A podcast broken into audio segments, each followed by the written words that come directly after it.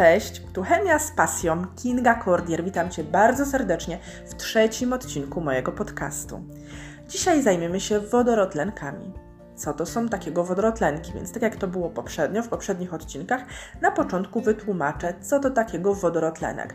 Więc jest to związek chemiczny, który jest zbudowany z kationów metalu i anionów wodorotlenkowych.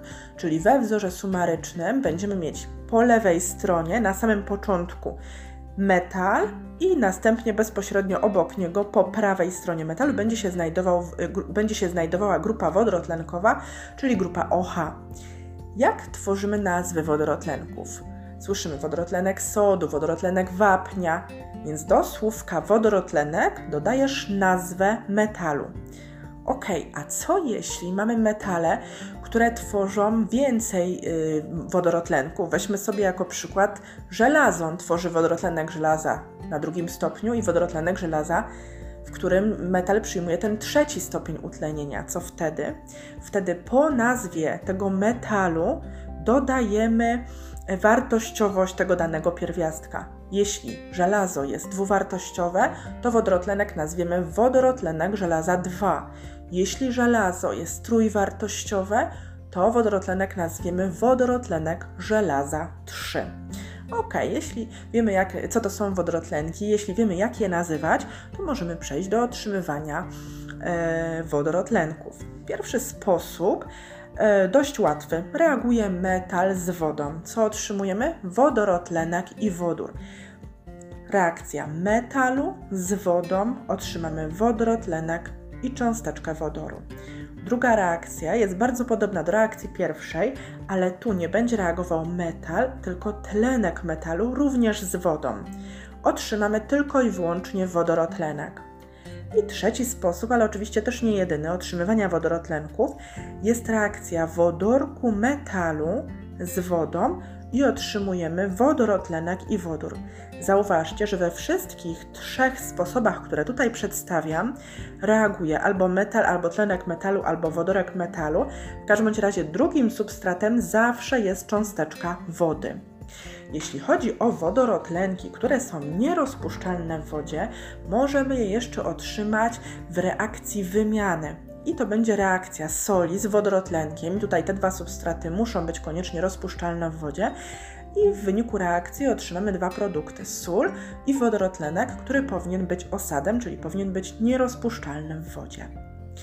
Dobrze, powiedzieliśmy o wodorotlenkach, ale często słyszymy, e, że ktoś mówi o zasadzie sodowej, o zasadzie potasowej. Co to są te zasady? Czy wszystkie zasady to są wodorotlenki? Czy zasady też posiadają grupy OH, grupy wodorotlenkowe?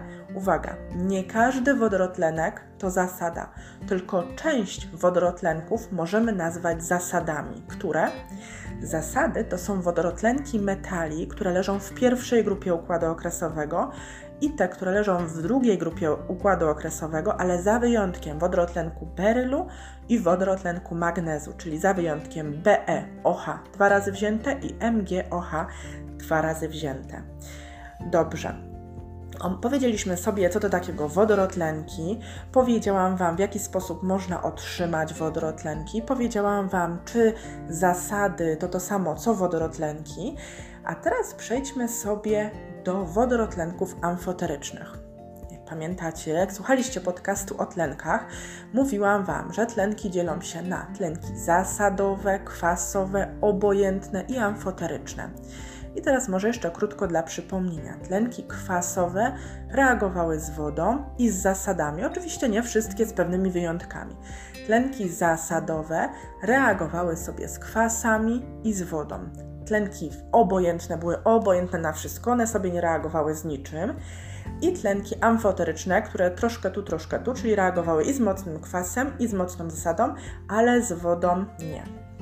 No to teraz co to będą wodorotlenki amfoteryczne? Więc wodorotlenki amfoteryczne, podobnie jak przy tlenkach amfoterycznych, one będą się lubiały z mocnym kwasem i z mocną zasadą, czyli są takie amfoteryczne niezdecydowane. I kwas, i zasada, ale woda nie. I teraz jakie mogą być przykłady tych wodorotlenków? Więc pierwsze, co bym polecała sobie zapamiętać, wodorotlenek glinu, wodorotlenek chromu 3 czy wodorotlenek cynku. I w drugiej grupie należy pamiętać, że tam nie wszystkie wodorotlenki mają charakter zasadowy, bo wodorotlenek e, berylu, druga grupa, jest wodorotlenkiem amfoterycznym. No i teraz co otrzymamy w wyniku reakcji wodorotlenku, załóżmy glinu, z kwasem solnym, czyli z kwasem chlorowodorowym. Otrzymamy sól i wodę, czyli chlorek glinu, no i e, cząsteczka wody. Potem oczywiście trzeba odpowiednio ustalić współczynniki. A co otrzymamy w wyniku reakcji wodorotlenku glinu z wodorotlenkiem sodu albo wodorotlenkiem potasu? I tutaj uwaga, reagują dwa związki, jeden i drugi posiada grupę OH. Otrzymamy tetrahydroksyglinian sodu albo potasu, w zależności od tego, jaka, e, jaki wodorotlenek będzie reagował z tym wodorotlenkiem amfoterycznym. Tetrahydroksyglinian sodu. Dziękuję Wam wszystkim za odsłuchanie tego podcastu i zapraszam na kolejne odcinki.